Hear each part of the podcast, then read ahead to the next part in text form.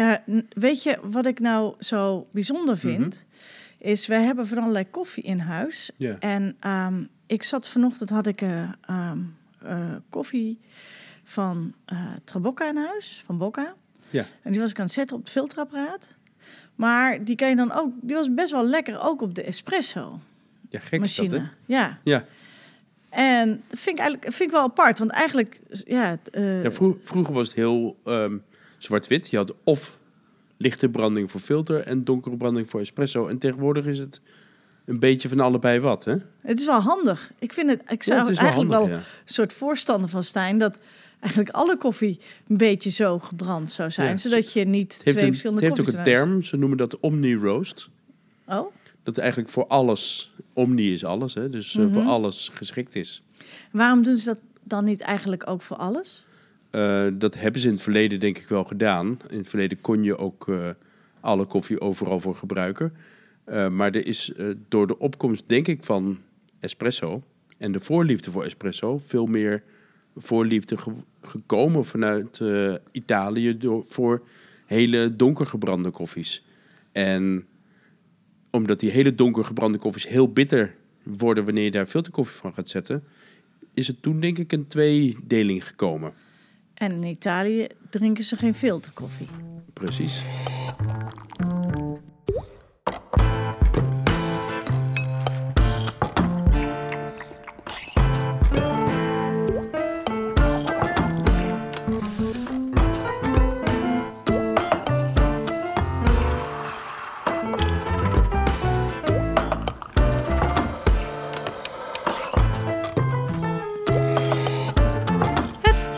Koffiecollege, de podcast waarin je alles leert over koffie. Hartelijk welkom. Leuk dat je luistert. Wij zijn Brechtje Debe. En Joost Leopold? En in deze podcast gaan we je alles vertellen over hoe jij het beste uit jouw koffiebonen kan halen. Dus van alles over bonen en over zetmethodes. Dus blijf vooral luisteren. En eh, Joost, welke koffie heb jij nu eigenlijk voor je neus liggen? Ik heb hier een blend liggen van eh Noordkap koffiebranders. Eh, het is de Oslo blend. Een blend eh, van twee koffies. Eentje uit Brazilië en één uit Rwanda. Braziliaanse koffie staat over het algemeen ges- bekend als eh, lekkere zoete, stevige koffie. En Rwandese koffie is wat frisser en wat fruitiger. En op die manier is een mooie blend gemaakt. En ehm, eh, hoe kan je deze koffie het beste zetten? Nou, dit is nou typisch de Omni-roast koffie. Ja. Oftewel, hij is zowel voor filter als voor espresso geschikt. Oké, dus hij is zo'n zo'n gemiddelde branding, maar dat is ook Ja. expres. Dat is hier expres. En als je hem als filter zet, komen juist die bitters wat meer naar voren. Mhm. Eh, en als je hem als espresso zet, komen juist de zuren wat meer naar voren. En waar proef je eigenlijk de beste? Wanneer is hij op zijn zoetst? Wanneer is hij op zijn... Wat vind jij, wanneer is deze op zijn lekkerst? Ik vind hem het lekkerst eh, wanneer je hem als filterkoffie zet. Dan eh, wil ik hier wel een eh, filterkoffie van. Maar zou jij eerst even nog iets kunnen vertellen aan iedereen over de verschillende filterzetmethodes die er allemaal zijn? Zeker. En hoe je daar dan het beste een keuze uit kan maken, zodat ook deze koffie het lekkerste smaakt. Doe ik.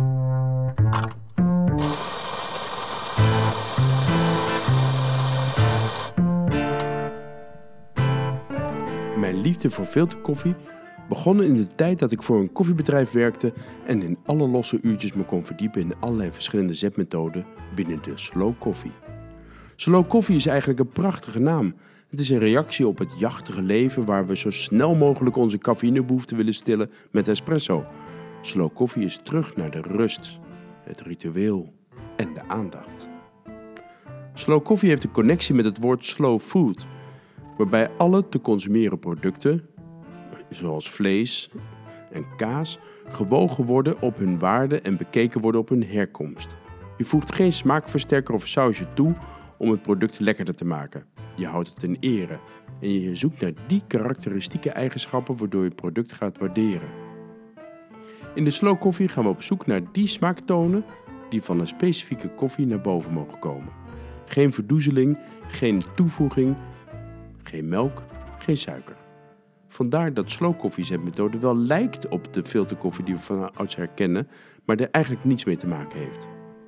Want heel vaak is het zo dat we in die filterkoffie die we van oudsher kennen, juist wel room doen en suiker doen om het een beetje drinkbaar te maken. Voor de slow koffie gebruik je uitsluitend Arabica koffie. Altijd een single origin en het heeft zelfs de voorkeur dat de volledige herkomst bekend is, zelfs wat de naam van de koffieboer is die de koffie heeft verbouwd. Ik herinner me bijvoorbeeld een koffie van de Brazil Santa Teresinha plantage van Paulo Almeida. Deze koffie was exemplarisch vanwege de zoethout, bessen, abrikoosachtige smaken die erin te proeven waren. Het verhaal van Almeida was er een van een jongensboek.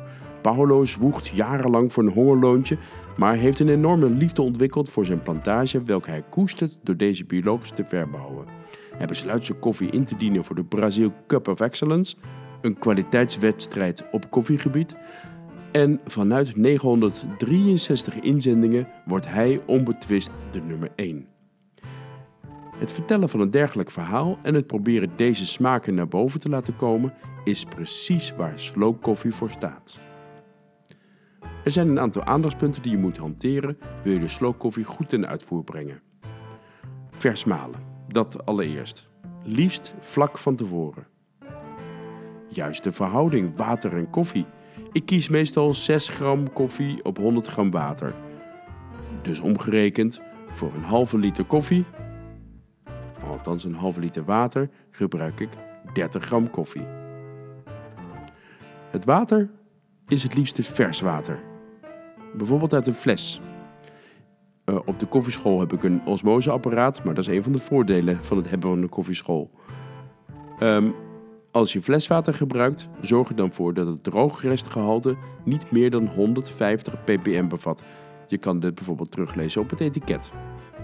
Een goede weegschaal, die tot de tiende achter de komma kan.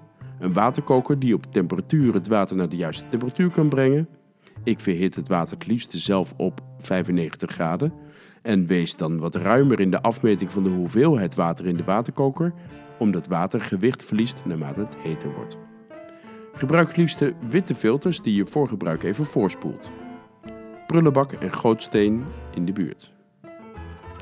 Binnen de slow coffee methode zijn er veel te onderscheiden. Chemex, V60, Calita, Mokka Master, Espro, Aeropress, Siphon enzovoort enzovoort. In feite kan je drie manieren onderscheiden.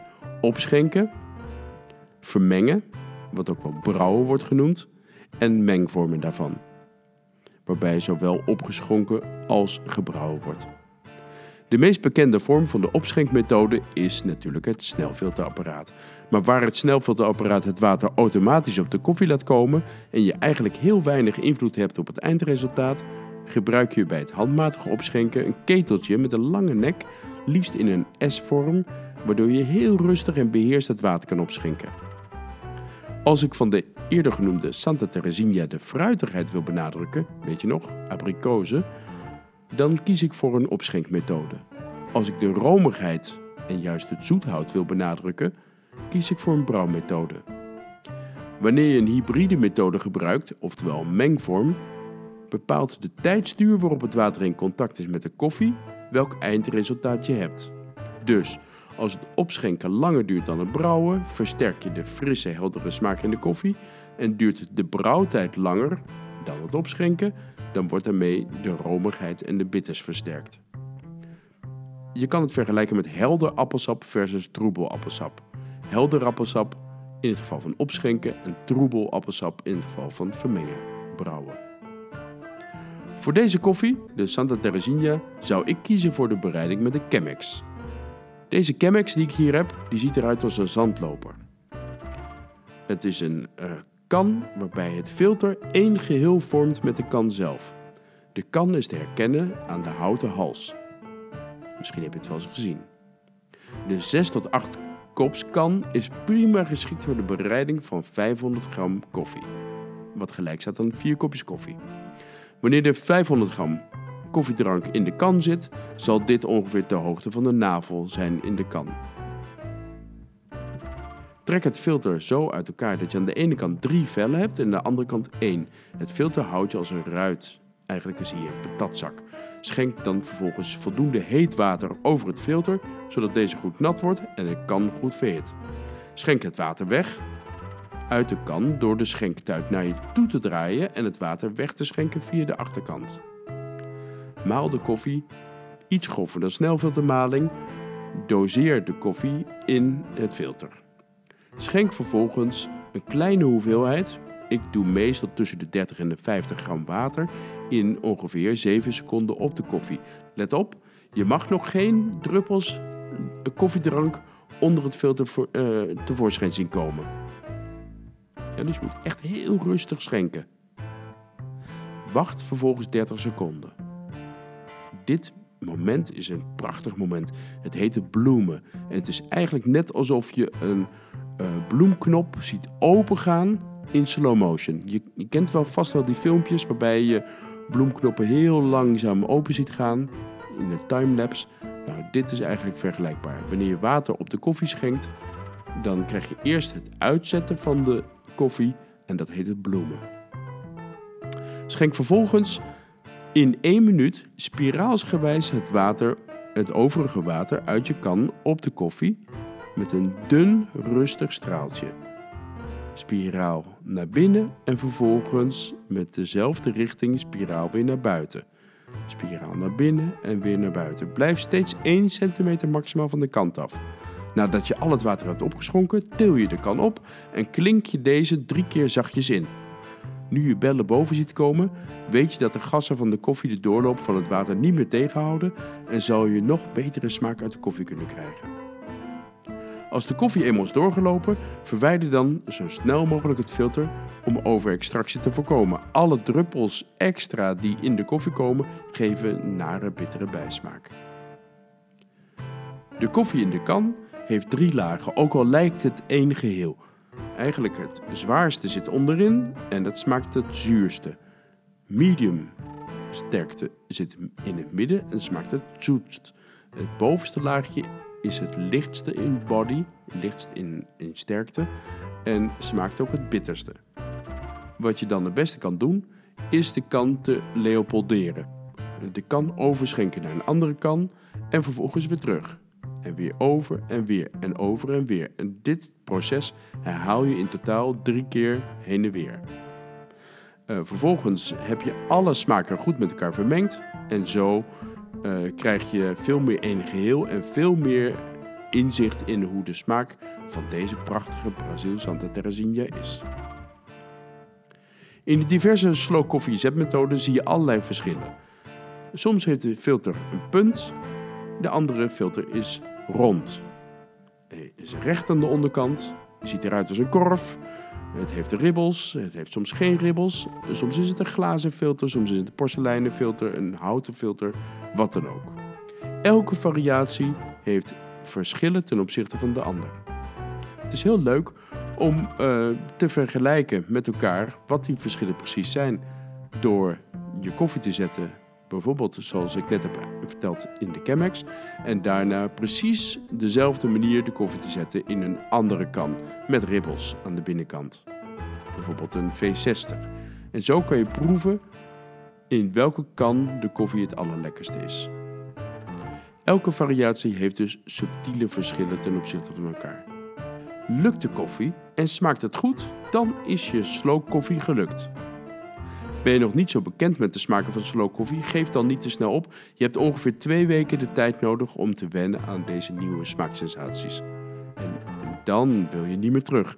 Dan wil je nooit meer koffie hebben zoals het was van voor de slow koffie. Dan wil je nooit meer terug naar die slappe, hete, bittere koffie. En noem je dat geen slow koffie meer, maar noem je dat sloot koffie.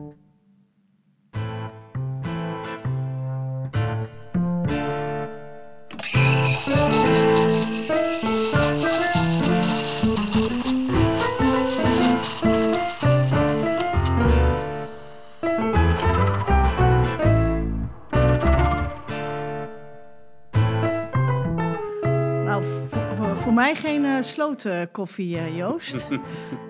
Ehm, maar ik heb nog wel een eh, vraag eh, Mhm. hier. al, eh, want ik, ik had dus naar je verhaal geluisterd. En eh, nou is het zo dat de meest, eh, de, in ieder geval de methode die ik het vaakst tegenkom bij mensen thuis, naast het eh filterzetapparaat eh, wat ze thuis hebben staan, is ook wel de, de, de cafetière Ja. of de French press eh, Ja. genoemd. Dus waarbij je dus met zo'n de koffie in zo'n kan en dan Ja. druk je dat zo naar beneden.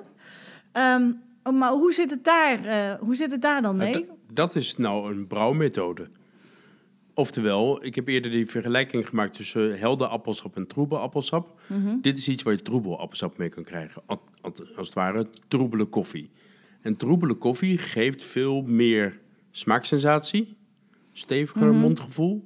Ehm, en, en, en daarmee worden de bitters wat meer benadrukt. En de opschenkmethode of de filtermethode worden de frisse smaken wat meer benadrukt.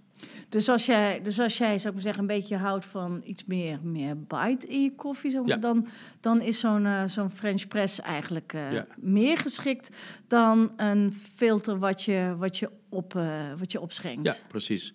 Heel makkelijk ook, goed verkrijgbaar. Zelfs bij een grote meubelgigant met blauw- blauw-gele kleuren. Die eh, heeft een cafetière in, eh, in het assortiment. En wist je trouwens dat cafetière geen Frans eh, uitvinding is? Ze noemen het wel French press. Maar het is eigenlijk een Italiaanse uitvinding. Maar cafetière klinkt toch ook heel Frans? Cafetière klinkt heel Frans. Maar het is eigenlijk cafetiera. Oh, Terra is trekken en café is koffie. Dus je trekt koffie hierin. Je trekt alle smaken uit de koffie in deze zetmethode. En dat wist ik niet, inderdaad. Maar moet je voor deze koffie dan eh, andere eh filter... eh eh, Ja, het is net wat je zelf lekker doen? vindt. Als je van een stevige bite houdt, kies je voor donkergebrande koffie. Mhm, En hou je van frisse koffie, kies dan voor lichtgebrand. mhm. Maar maal de koffie zo grof mogelijk. En hoe weet je of het goed genoeg is? Dan, ehm, eh, dat weet je door, door te proeven uiteindelijk. En als je mooie ehm, eh, complexiteit ervaart in de smaak, dus lekker veel, veel eh, verschillende smaken ervaart, ja, dan, dan weet je of het goed is. En de, dat je de juiste slow koffie hebt. En als je dan eh, een... eh, een eh, eh, maar dat, dat kan je niet... Je kan het niet zien, zou ik maar zeggen, aan de maling. Je kan niet zeggen, het moet zo grof of zo fijn als... Oh, eh, het mag zo grof zijn als grof zeezout. Oké. Ja? Zo, dat is wel heel grof. Ja, je moet er nog niet. eh, laatst hoorde ik een leuke. eh, wanneer je kan puzzelen met de koffieboontjes, dan is het te grof. Oké, wanneer je ze dus terug in elkaar kan zetten, dan, dan is er iets mis. Precies, ja. En als je nou koffie uit een eh, eh, eh, pak koopt, zeg maar zeggen, eh, want je hebt geen eh, eigen molen, ja. dan, eh, dus je koopt gewoon zo'n zo'n zo'n voorgemalen pak koffie, of je laat het malen bij de Ja. speciaalzaak. Dan eh, eh, is, is, ja, bij de speciaalzaak kan je nog zeggen waarvoor Ja, je dan kan je nog malen. Dus- zeggen waarvoor. Dan, dan zullen ze dat grover malen dan eh, snelfiltermaling. Koop je voorgemalen koffie, dan is dat eigenlijk altijd snelfiltermaling. Oké. Dus daarmee is je maling dus te fijn. En als je daar je cafetière mee gaat zetten, krijg je te snel te bittere koffie. Eh, nou weet ik dat eh, de koffie die we hier voor ons hebben eh, Mhm. liggen, dat dat direct trade koffie is. Ja. Is ook duidelijk waar die vandaan komt. Ja. Ehm, Alles, en alles is vermeld en je kan alles nog teruglezen op de website ook. precies. En je kan dus ook zien, of in ieder geval je kan daar ook eh, terug herleiden dat de koffieboer hier wel een goede prijs voor gekregen heeft. Ehm, maar wist jij, Joost, dat een koffieboer gemiddeld ongeveer maar 4000 dollar per jaar verdient? Huh? Hoe zit dat dan?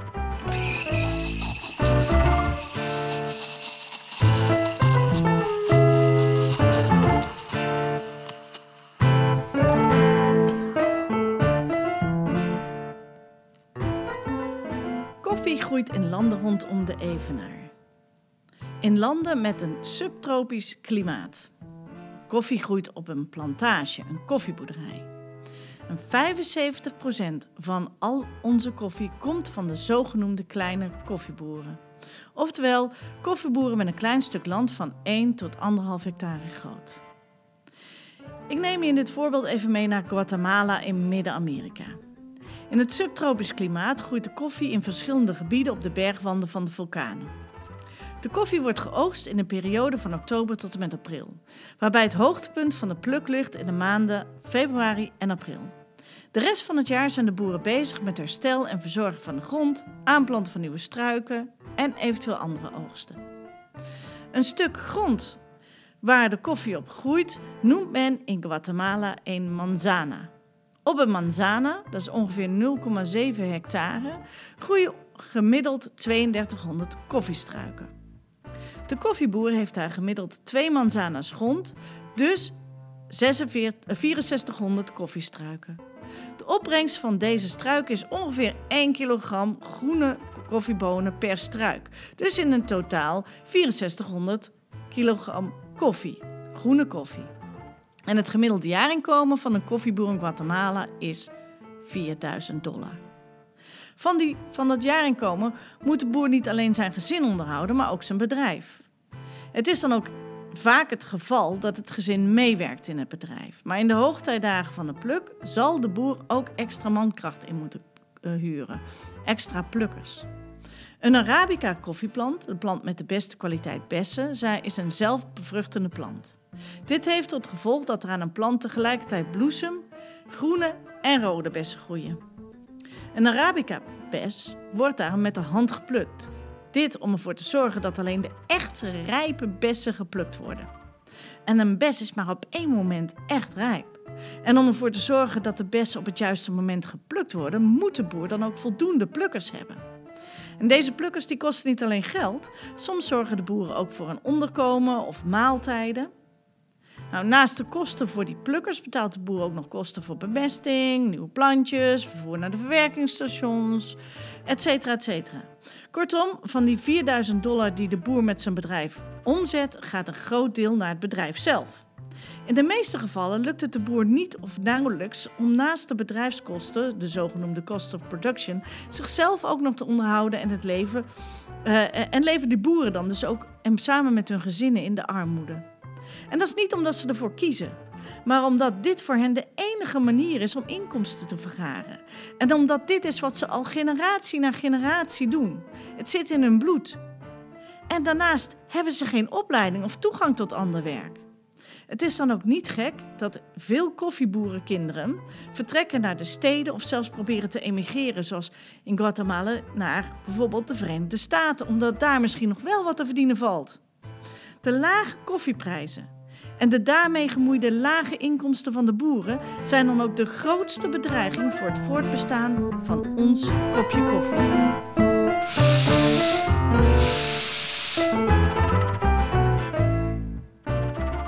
Ja, dat is niet misselijk. Dus uh, uh, als we niet uitkijken, is het duidelijk geen koffieboer meer uh, die, onze, die de koffie produceert. Hoe krijgen we de volgende generatie nu enthousiast om ook koffieboer te gaan worden? Ja, dat, dat, is, dat is een goede en ook ingewikkelde kwestie.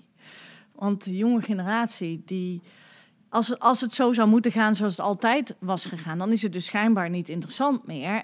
En dat kan ik me ook heel goed voorstellen, want je verdient helemaal niks mee. Mm -hmm. Maar ja, het, is ook, het is ook niet een probleem wat alleen bij de koffieboer is. Hè. Je ziet dat eigenlijk overal in de wereld. Je ziet het zelfs hier in Nederland. Dat de jonge generatie boeren het niet altijd zien zitten om het familiebedrijf over te nemen. En ik denk in, in, in onze. Uh, hier, hier is het gewoon heel makkelijk om iets anders te kiezen. Je gaat een opleiding volgen, je ja. gaat iets anders doen. Ja. En dat is in, de, uh, in het geval van de koffieboeren niet altijd even makkelijk. Maar dat zou wel volgens mij wel de, de oplossing kunnen zijn als die jongeren op de een of andere manier uh, uh, echt opgeleid worden ja, en, als, als echte ondernemers. En passie ontwikkelen voor het vak. Ja. Ik, ik, ik hoor soms wel uh, boeren, niet per se koffieboeren, maar gewoon boeren in het algemeen. ik, wilde, ik weet dat ik van jongs af aan al een boer wilde worden. Weet je wel, dat, dan voel je gewoon echt dat de passie in het bloed zit. Maar ik denk dat dat ook niet hetgeen is wat ontbreekt. Maar ik denk dat daar, dat, dat hier. Hè, kijk, hier, bedoel, een boer is hier ook niet altijd even rijk, maar je zit hier niet onder de armoedegrens. Nee, dat is en, en ik denk dat het daar gewoon de, eigenlijk veel dramatischer is en Ja. ook veel onzekerder is. Ik bedoel, ja, als jij, als jij gewoon heel niet iedere dag weet wat jij voor je koffie gaat krijgen, dan kan je er ook eigenlijk niet goed op ondernemen. Ja. En ik denk, ja, ja. Zijn er dan geen vormen waarbij boeren meer verdienen dan... eh, Er zijn, ja, zeker. Er zijn wel voor bijvoorbeeld bij fair trade krijgen ze meer voor een Ja. koffie of ga je naar direct trade of zo. Dus eh, en daar wil ik ook nog wel een keertje e- extra op ingaan. mhm. Dus er zijn wel echt mogelijkheden waarbij boeren iets meer verdienen. Maar ik denk in dit geval is het eh, vooral heel in, eh, belangrijk dat als, die, als je als, als boerenzoon of dochter Ja. een goede eh, opleiding kan volgen, dat je dan van, ehm, ja, als het ware van het van een moetje, van hè, je, je moet het Mhm. bedrijf overnemen, want je hebt geen keus, in één keer naar gewoon een serieuze ondernemer kan doorgroeien. Ja. En je kan andere keuzes maken. Je leert gewoon over hoe kan ik de plantage dusdanig optimaliseren dat de kwaliteit van mijn koffie omhoog gaat, dat ik er meer voor krijg. Of eh, ja, eh, Wat mij heel mooi zou lijken is als de koffieboeren zelf ook ehm, meer inzicht krijgen in wat er gebeurt met hun eindproduct. dat inzicht, dat krijgen ze eigenlijk ook wel steeds meer. Er zijn steeds meer landen waar je. ehm, waar, waar boeren ook in aanraking komen met barista's. Er zijn natuurlijk ook heel veel barista's die reizen naar koffielanden. Ja, Maar ook, eh, ook barista's die trainingen geven Ja. in koffielanden... om gewoon eens te laten zien van wat gebeurt er nou eigenlijk daadwerkelijk met, met de koffie. Ja. Dus dat gebeurt al. En daarnaast zie je ook gewoon door het internet... dat ehm, en waar boeren ook gewoon toegang tot Mhm. hebben... Mhm. dat zij ook zien wat er in de wereld gebeurt... en daarmee makkelijk connecties maken met hun eindgebruiker. Ja. Oftewel... de eh, de- grenzen worden steeds, steeds kleiner zo, hè? ja, de Afstanden grenzen worden klein. steeds kleiner. Ja, en, en, en dus niet alleen maar tussen de consument en Ja. de boer, maar ook tussen boeren onderling. Zij kunnen ook op die manier Ja. zien wat, wat iedereen doet. En daardoor krijg je ook een soort verbintenis. Ik denk, ik, ik heb eens een keer een, een boer gesproken en die had, ehm, die zat, ja, er is hier een, een, eh, eh, This Side Up Koffies eh, van, van Lennart Klerks hier in Nederland. Mhm. Dat is een groene koffie eh bonen inkoper. Mhm.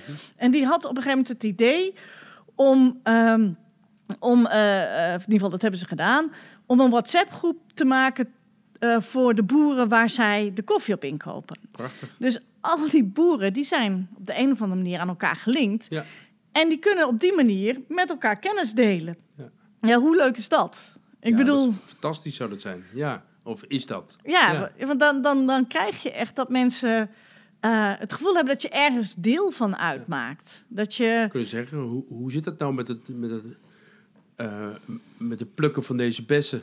Moet het nu of moet het morgen? precies. Wat denk jij? Je krijgt een soort, ik denk ook een soort collegiaal gevoel. Ja, want je, bent, je wordt een meer onderdeel van ja. de, de, de koffiewereld, als het ware. Mooi. En, ja, en wat ik ook heel veel heb gehoord, is van boeren die zeggen van ja, ik, ik vind het heel leuk als eh, onze eindgebruiker weet wie ik ben. Dus, eh, en dat zie je wel eens als je nou een pakje koffie koopt, dat je dan ehm, bijvoorbeeld op de verpakking kan lezen. eh, Mhm. Bijvoorbeeld, dit is, eh, ik noem maar wat, koffie van plantage van Don Juan, ik noem maar wat. Maar dan, dan kan je al op de verpakking lezen, oh, Don Juan, die koffie is gewoon vernoemd naar de boer waar die vandaan komt. Mhm. En dan kan je op de, vaak dan op de website lezen van wie is nou deze boer? Scan met een. QR-code of wat dan ja. ook. Ja. En dan krijg je dus inderdaad het, het verhaal achter. Transparantie, hè? Dat is Ja, belangrijk. ja, ja, transparantie. En ik denk dat dat, dat voor die jongeren ehm, ook aantrekkelijk maakt. Ja. Het is niet meer zo geïsoleerd. Jij, ehm, jij produceert jouw koffiebonen. En die gaan dan naar een of andere lokale inkoper. En die Mhm. gaan weg. En that's it. Dan, dan zit je heel erg in je eigen wereldje en je eigen community. En ik geloof als je de wereld groter maakt en ehm, als het ware de boeren meer deelgenoot maakt van die hele handelsketen waar die, waar die eigenlijk toe behoort, of waar die toe behoort, dat daarmee ook de kans groter is dat, je, dat, dat, die, dat het interessanter is voor jongeren om het vak van koffieboer weer aan te gaan. Dat geloof ik ook. Dus dat is wel een hele, eh, ja, dat zou een mooie ontwikkeling zijn.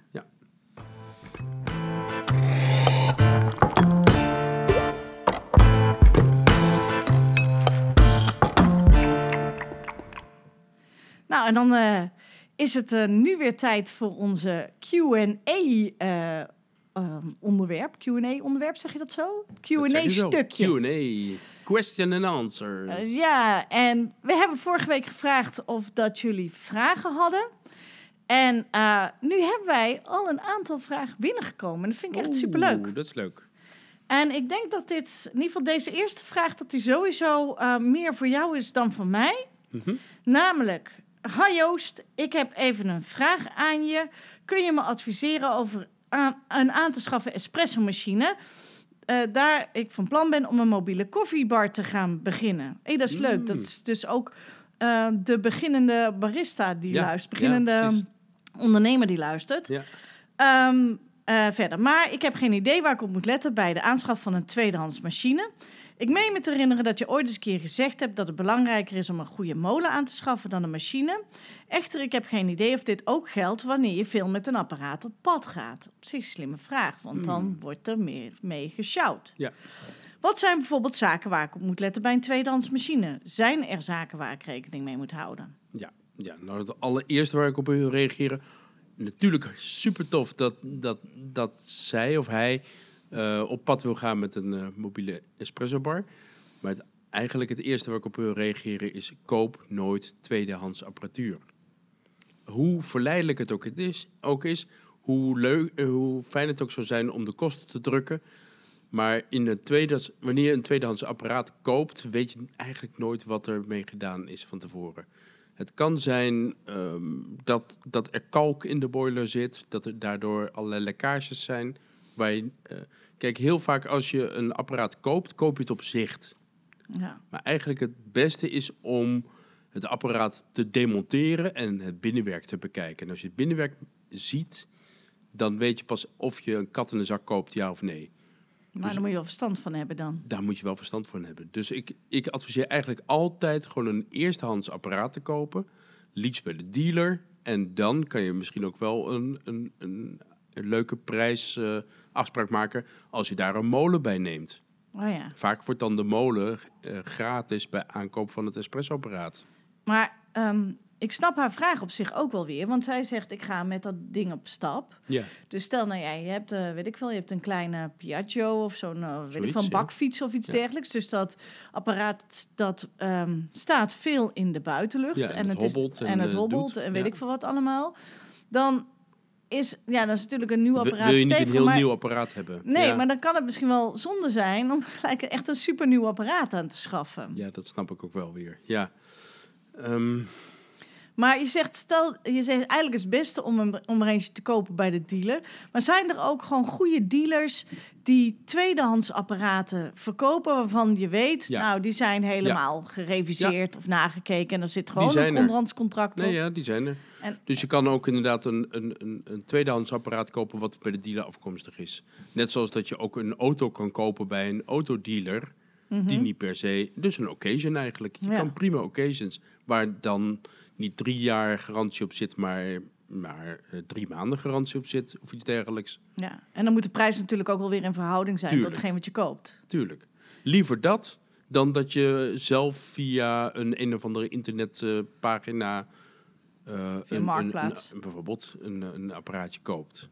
En, en geldt dat ook voor eh, thuisapparaten? Zijn er ook dealers of, of zaken waar je een thuisapparaat tweedehands kan kopen? Weet jij dat toevallig? Eh, ja, eh, ehm, eh, ja, je, ja, je kan naar de. Nou, eigenlijk is het handig om misschien te kijken als je een apparaat op het oog hebt. wat voor merk dat precies is en waar je dat merk nog meer kan halen. En dan kijken of daar een dealer bij is.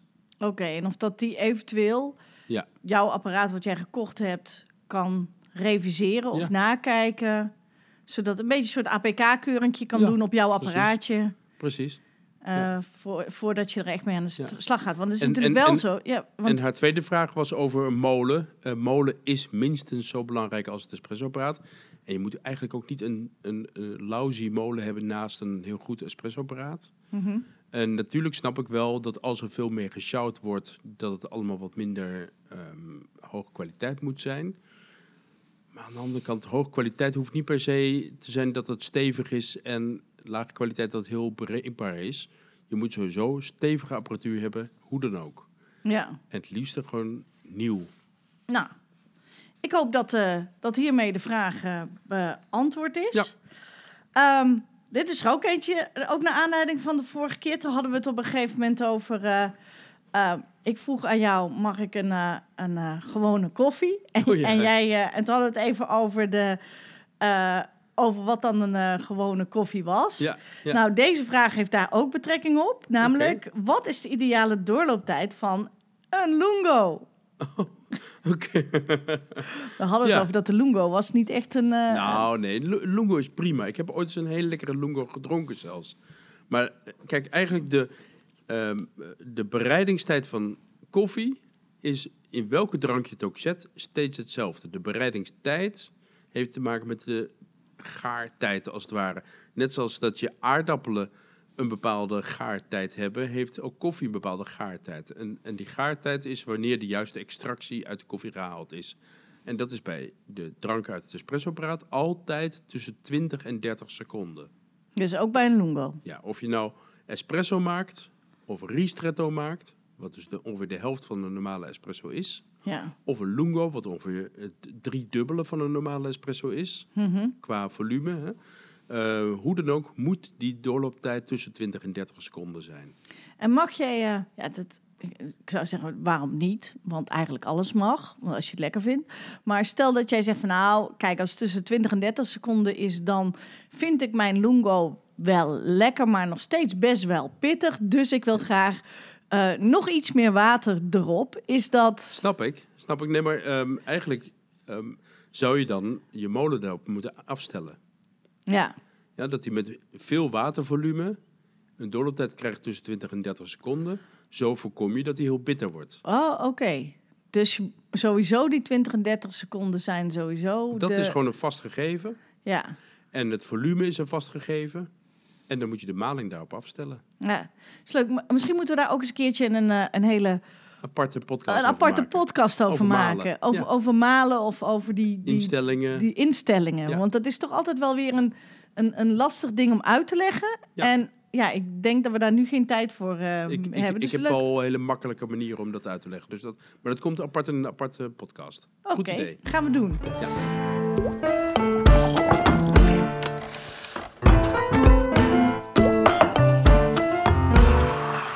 Nou, dit waren dan de vragen van deze week. en daarmee zijn we dan ook aan het einde gekomen van deze podcast. Althans, bijna Mhm. aan het einde gekomen van deze podcast. Eh, heb jij nog vragen? Dan kan jij die mailen. Of nog leuker, eh, stuur een audioberichtje. Ja, als audio-appje. Je kan gewoon met je smartphone, met de dictafoonfunctie, kan je een audiobericht inspreken en dat opsturen En dan, dan stuur je dat naar... eh, naar het koffiecollege, koffieschool.nl. Dus het koffiecollege, apenstaartje, koffieschool.nl. En wie weet eh, behandelen we jouw vraag eh, volgende week dan wel. Je mag je vraag ook over instellen op onze socials. Wij zijn ook te vinden Ja. op Instagram en op Facebook. En ehm, nou ja, we hopen natuurlijk dat je het ontzettend leuk hebt gevonden om eh, te luisteren. Want wij vonden het namelijk heel erg leuk dat je geluisterd hebt. En als je het heel erg leuk vindt, nou ja, dan eh, laat eventjes een recensie achter eh, bij je, de plek waar je deze podcast gevonden hebt. Dus Geef sterretjes natuurlijk.